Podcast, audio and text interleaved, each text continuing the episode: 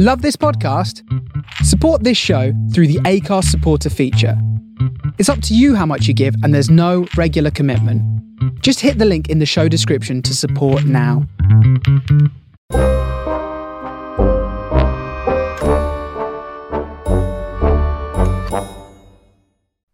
Hallo allemaal en welkom bij Reis door de Tijd.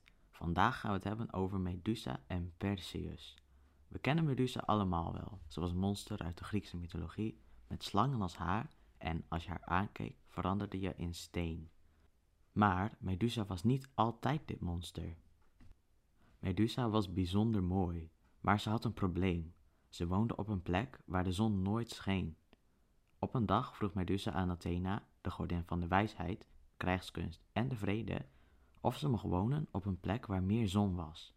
Maar Athena weigerde, omdat ze bang was dat ze Medusa meer gingen vereren in plaats van haar.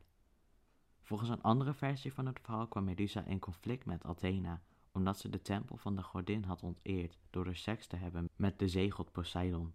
Als straf had Athena Medusa's kapsel veranderd in slangen, en elke keer als iemand Medusa aankeek, veranderde die persoon in steen.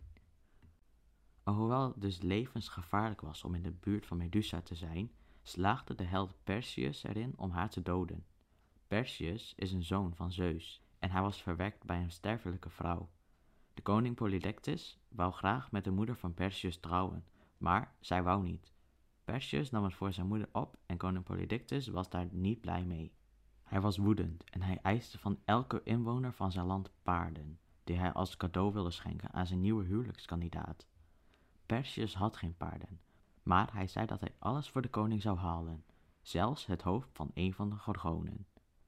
Dat had hij niet moeten zeggen, want de koning Polydectes wist dat er nog nooit iemand levend was teruggekomen van de gorgonen, en dus stuurde hij Perseus op pad. De gorgonen waren drie dochters van een zeegod en een zeemonster, en Medusa was een van de drie gorgonen. Zeus schakelde de hulp in van Athena, en zij stuurde Perseus naar een grot in Libië. In die grot woonden drie oude vrouwen. Deze vrouwen wisten waar Perseus speciale wapens kon vinden die hij kon gebruiken tegen de gorgonen. Maar deze drie oude vrouwen waren een soort halfzussen van de gorgonen, en dus weigerden ze het om Perseus te helpen. Over de drie oude vrouwen hadden ze samen één oog en één tand, en die moesten ze alle drie delen. Toen één het oog doorgaf aan de andere, pakte Perseus het oog af en dreigde het pas terug te geven als ze hem vertelde waar hij de wapens kon krijgen. De drie oude vrouwen vertelden hem maar dat Perseus de wapens kon krijgen bij de nymfen die in de onderwereld woonden. Perseus gaf het oog terug en ging naar de onderwereld voor de wapens. Naast de wapens kreeg hij ook andere spullen. De nymfen gaven hem ook een zak om het hoofd van Medusa in te doen en een helm die hem onzichtbaar maakte. Hermes, de boodschapper van de goden, gaf hem een sikkel en leende hem zijn gevleugelde sandalen, waarmee hij kon vliegen. Ook hielp hij om zijn schild schoon te maken, zodat het spiegelde.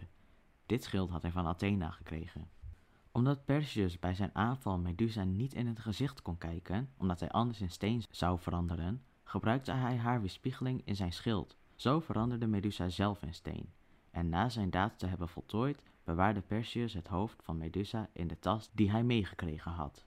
Op de rug van het gevleugelde paard Pegasus, dat volgens sommige verhalen geboren werd uit het bloed dat na de onthoofding uit de nek van Medusa spoot, vloog hij terug naar huis. Toen Perseus terug was, versteende hij ook koning Polydectes, want die had gehoopt dat Perseus nooit levend zou terugkeren. Perseus schonk daarna Medusa's hoofd aan Athena, die het op haar schild plaatste, als waarschuwing voor al haar vijanden.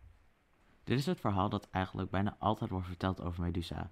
Ze is ook heel erg bekend geworden door deze mythe van Perseus. Maar ik denk eigenlijk dat het een beetje anders is gebeurd. Mijn theorie is dat de meeste mensen denken dat Athena Medusa heeft veranderd in een monster, omdat ze het als straf gebruikte.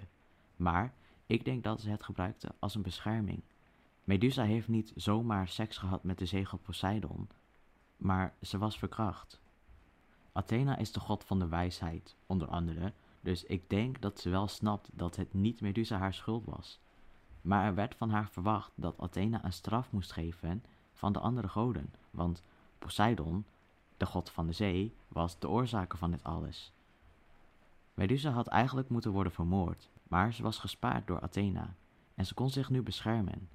Toen Athena het hoofd kreeg van Medusa, heeft ze die op haar schild geplaatst. En het hoofd van Medusa is een symbool voor bescherming en voogd. En in hostels, speciaal voor vrouwen, is er ook meestal een symbool van het hoofd van Medusa. Het symbool van Medusa is eigenlijk gewoon een bescherming.